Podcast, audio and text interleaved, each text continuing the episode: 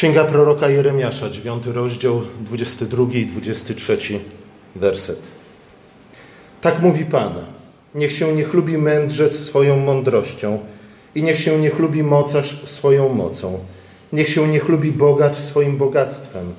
Lecz kto chce się chlubić, niech się chlubi tym, że jest rozumny i wie o mnie, iż ja, Pan, czynię miłosierdzie, prawo i sprawiedliwość na ziemi gdyż w nich mam upodobanie, mówi Pan. Oto słowo Boże. Te słowa powinna brzmieć znajomo w naszych uszach, a to ze względu na to, że kilka tygodni temu yy, mówiłem kazanie z pierwszego listu do Koryntian, z pierwszego rozdziału, gdzie Paweł czyni wyraźną aluzję właśnie do tego tekstu z proroka Jeremiasza. Przy czym Apostoł kieruje te słowa do ludzi, którzy nawet z ludzkiego punktu widzenia nie bardzo mieli się czym szczycić.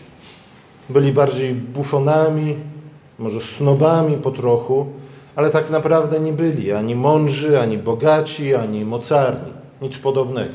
Ale tak często bywa, że naśladujemy tych, których uważamy za wybitne jednostki i wtedy stajemy się bufonami. Prorok jednak kieruje te słowa do ludzi, którzy rzeczywiście, przynajmniej z ludzkiego punktu widzenia, mogli mówić o swojej sile, o swoim bogactwie i o swojej mądrości. Ta różnica może nie jest strasznie istotna, ale warto na nią zwrócić uwagę. Zwłaszcza jeśli należymy do ludzi, którzy mają trochę więcej pieniędzy, którzy mają trochę więcej wpływów, którzy mają trochę więcej tego, co powszechnie uważa się za mądrość. Jeden z komentatorów piszący o tym fragmencie zwraca uwagę na to, że jakiekolwiek szczycenie się, jakiekolwiek y, obnoszenie się z pewnymi rzeczami czy też zasługami y, jest czymś w rodzaju wyznania wiary. Nie? Szczycimy się y, nie tylko tym, co uważamy za rzeczy, które inni ludzie także docenią, ale szczycimy się przede wszystkim tym, co sami uważamy za coś istotnego, nieodzownego w naszym życiu. Nie tylko coś, co czyni nas szczególnymi jednostkami, ale też coś, na czym możemy oprzeć nasze życie. Coś, w czym pokładamy ufność i nadzieję. Co postrzegamy nawet jako fundament naszej egzystencji. Znaczyż ludzie bogaci zazwyczaj właśnie nie tak postrzegają swoje bogactwo. Dzięki bogactwu są w stanie zrobić to, co są w stanie zrobić, a czego nie są w stanie zrobić inni. Załatwić sobie to czy tamto, na przykład lepszego lekarza. E, ci, którzy są wpływowi, czyż właśnie na swoich wpływach nie upierają całego swojego życia i tak dalej, i tak dalej. Jeśli szczycimy się bogactwem, mocą czy też mądrością, to znaczy, że traktujemy te rzeczy albo jedną z tych rzeczy jako naszego Boga, jako nasze bóstwo, które zapewni nam ratunek w potrzebie, a nawet więcej, powodzenie lepsze, większe niż inni ludzie mogą się nimi cieszyć. Tacy jednak ludzie, którzy traktują bogactwo, moc, mądrość jako, jak bogów, którym można zaufać, są w rzeczy samej głusi i ślepi, ze względu na to, że ich bóstwa są głuche i ślepe i nieme. Od czasu do czasu oczywiście te bóstwa okazują się przydatne i właśnie to pozwala nam wierzyć w to, że zawsze nas wyratują, jeśli zajdzie taka potrzeba, ale w czasie wielkiego kryzysu zawsze okazują się bezsilne rozwiewają się jak mgła na wietrze, są marnością, innymi słowy. To nie znaczy, że nie są nic warte, ale właśnie wtedy, kiedy ich najbardziej potrzebujemy, najbardziej nas zawodzą. Wiele na ten temat miał do powiedzenia nie kto inny jak sam król Salomon. W księdze Koheleta, czyli w księdze kaznodziei Salomona, e, dokładnie o tym czytamy. Król mówi, że zbudował wielkie pałace, zgromadził wiele złota. Miał wszystko, czego zapragnęło jego serce. W bogactwie i potędze prześcignął wszystkich poprzednich władców Jerozolimy. Także mądrość go nie opuszczała. Miał jej ociupinkę więcej niż prawdopodobnie my wszyscy razem tutaj jako kolektyw. Jednak kiedy spojrzał na to wszystko, kiedy zbadał to wszystko, stwierdził, że to wszystko jest ulotne i podobne do wiatru. Dlaczego? Nie dlatego, że jest kompletnie i całkowicie pozbawione jakiejkolwiek wartości, ale ze względu na to, że właśnie w momentach kluczowych, jakiegoś kryzysu egzystencjalnego zawodzą i okazują się nic nie warte. Właśnie to spostrzeżenie, że bogactwo, mądrość, wpływy, władza są ulotne, są podobne do wiatru, jest początkiem prawdziwej mądrości i prawdziwej pobożności. Salomon okazał się w tym o wiele mądrzejszy niż ten przysłowiowy głupiec z przypowieści Jezusa, który, kiedy Pan Bóg pobłogosławił mu niesamowitymi zbiorami, powiedział: Masz wielkie bogactwo złożone na wiele lat, odpoczywaj, jedz i wesel się.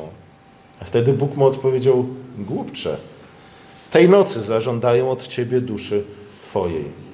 Są rzeczy, których nie jesteśmy w stanie kupić za pieniądze, są rzeczy, których nie jesteśmy w stanie załatwić, choćbyśmy dzierżyli całą władzę na całej kuli ziemskiej, i są rzeczy, których rozum ludzki nie jest w stanie objąć i rozwiązać. Kalwin w komentarzu do tego fragmentu Księgi Jeremiasza stwierdza, że ludzi, którym, ludzie, którzy, którym wydaje się, że mogą cieszyć się błogosławieństwem w oderwaniu od błogosławieństwa od Boga, tacy ludzie sami siebie zwodzą. Ale tej pokusie jesteśmy poddani my wszyscy. Pokusie, żeby szczycić się z własnych cnót, z własnych zalet, z własnych osiągnięć, i zapominać, że one wszystkie w ostatecznym rozrachunku są darem Boga. Gdyby Pan Bóg nam nie pobłogosławił, żadną z tych rzeczy nie bylibyśmy w stanie się szczycić. A Pan Bóg daje dobre dary nawet tym, którzy są niewierni. W pewnym sensie na ich własną zgubę, ze względu na to, że to upewnia ich w przekonaniu, że są w stanie zapewnić sobie powodzenie i bezpieczeństwo. Przechwałki takie są niczym innym jak właśnie przejawem niewdzięczności, który, przez którą przypisujemy sobie to, co otrzymaliśmy w darze.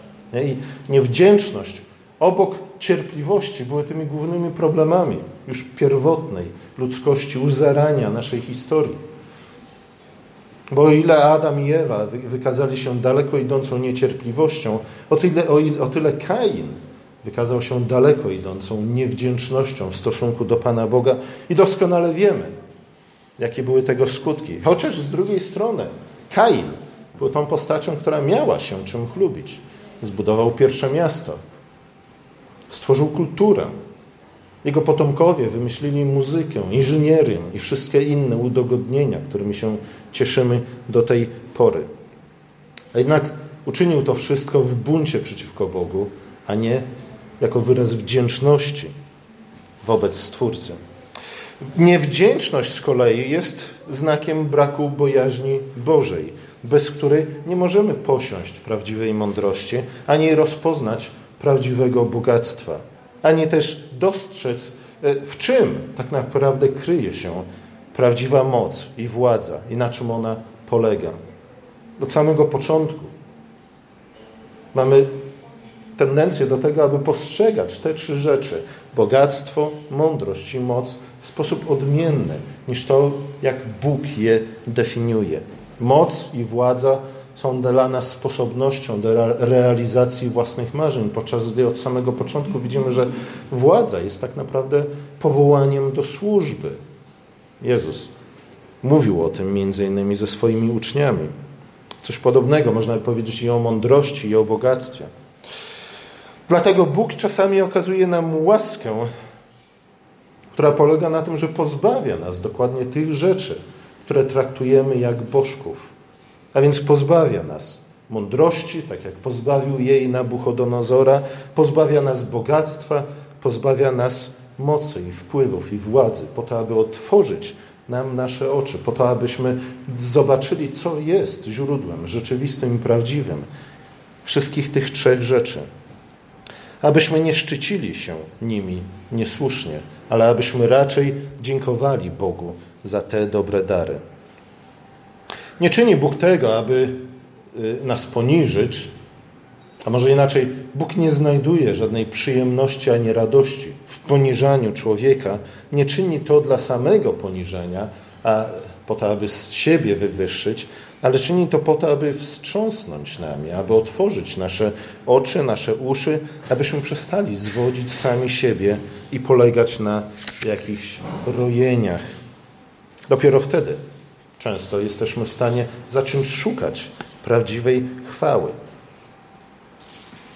Chodzi o to, żebyśmy szukali tej chwały tak, jak Bóg chce i tam, gdzie Bóg chce, żebyśmy jej szukali.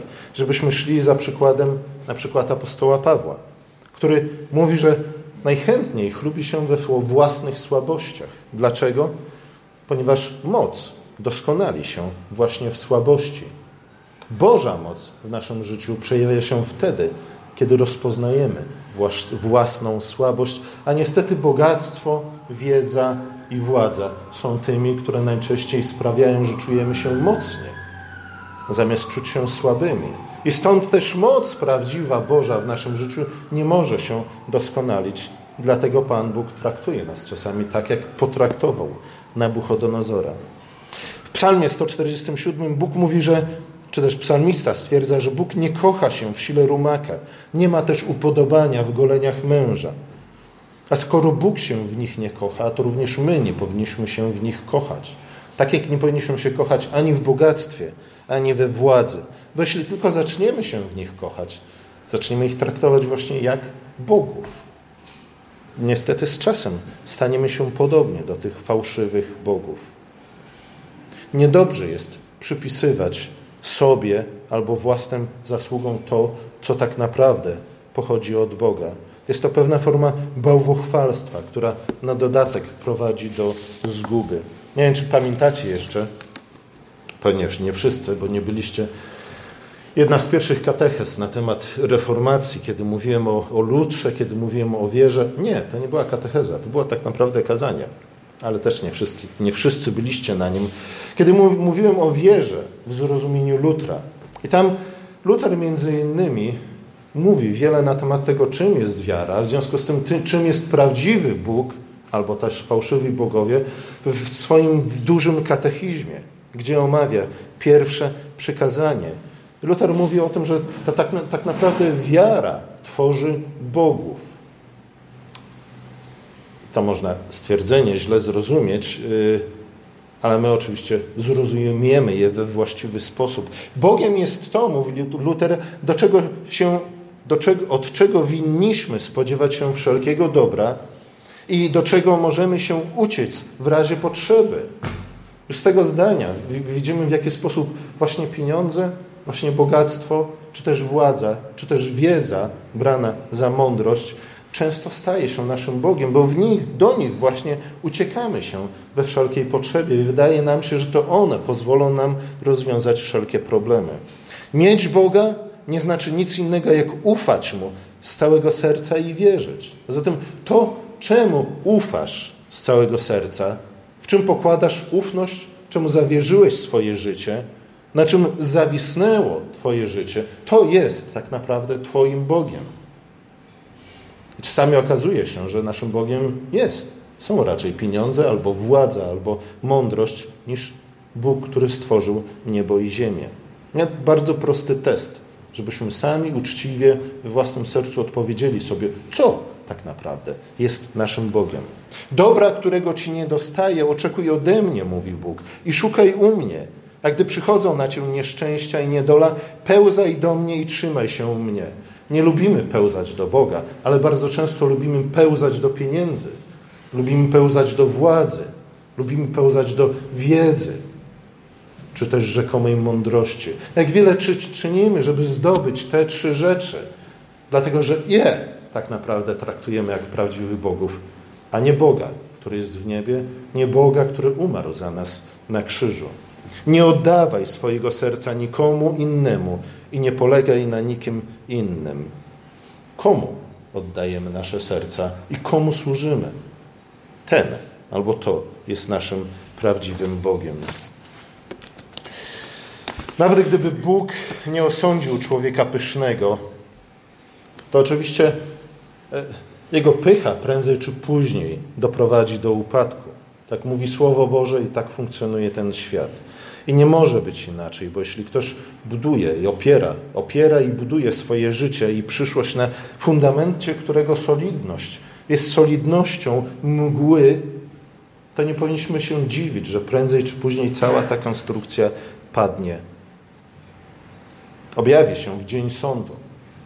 Czasami w dzień sądu ostatecznego, czasami w dniu śmierci, a czasami jeszcze wcześniej, bo sądy czy też kryzysy, bo tym jest sąd, kryzysem w naszym ży życiu przychodzą na nas od czasu do czasu. I wtedy okaże się, że wszystkie nasze wysiłki, ufność, jaką po pokładaliśmy w bogactwie, we władzy, w mądrości, nie są w stanie zatrzymać przeciekającego nam przez życie, przez palce życia. Jest jednak lepsza droga, mówi prorok. Jest to chluba wynikająca z poznania, że to Bóg, Jahwe, ten, który jest wiernym Bogiem, Bogiem przymierza, jest Bogiem łaskawym, prawym i sprawiedliwym. Wszyscy przytakną, nie, powiedzą tak i amen. E, chociaż w praktyce czasami nie wiemy, co to znaczy zaufać Bogu. W kontekście księgi Jeremiasza, w związku z tym warto zapytać się, co to znaczyło dla e, Żydów w tamtym czasie. Rozpoznać, że Jahwe jest Bogiem łaskawym, prawem i sprawiedliwym. To oznaczyło dla nich zaakceptowanie wyroku Bożego. Pan Bóg mówi: Słuchajcie, przyjdą, zniszczą, zburzą, zabiorą was do niewoli, która będzie trwała 70 lat. Cokolwiek byście uczynili, nic nie zmieni mojego wyroku. Możecie pokutować jak Niniwa, możecie pościć i nie jeść nic każdego dnia, nie tylko mięsa. Nie? Nic to nie zmieni. Ten wyrok zostanie na was wykonany, bo tylko ta śmierć może doprowadzić do nowego życia. Minął już czas na pokutę, minął już czas na tarzanie się w prochu, już za późno. Właśnie zaufanie Bogu dla Żydów w czasach Jeremiasza miało polegać na tym, no dobrze, tak Bóg chciał. Co się stanie, musi się stać. Ze względu na to, ale nie jest to takie apatyczne zało założenie rąk, stwierdzenie, no nic już więcej nie zrobimy, doszliśmy do ściany, koniec i amen. Nie! Prorok mówi, przyjmijcie ten wyrok jako wyraz Bożej łaskawości, prawości i sprawiedliwości. Nie tylko najlepsze, co mogłoby się wam przydarzyć, ale jako coś dobrego samo w sobie. Prorok wzywał do tego Żydów, ale Żydzi powiedzieli, że jest zdrajcą narodu, oczywiście, że jest fałszywym prorokiem i w końcu wtrącili go do więzienia.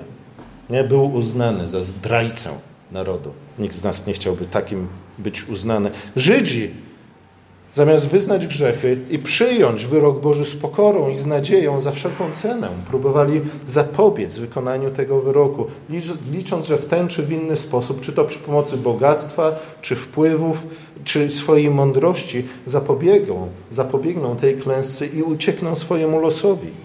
Ich, ich nadzieje oczywiście były całkowicie płonne, e, a próba przeciwstawienia się temu wyrokowi Bożemu tylko pogorszyła sytuację.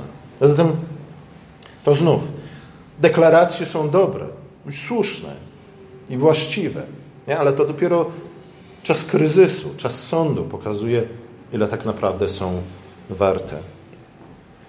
Nie chodzi o to, znów, abyśmy przyjęli postawę apatyczną. Bóg oczekuje od nas raczej cierpliwości i pokory, ale apatia nimi nie jest, choć bardzo często przypomina je. Apatia jest rezygnacją, która wynika z braku wiary, z braku nadziei, z braku zaufania. Nie jest natomiast cierpliwym i pełnym nadziei poddaniem się wyrokom nieba. Tak jak mieli uczynić to Żydzi w czasach Jeremiasza.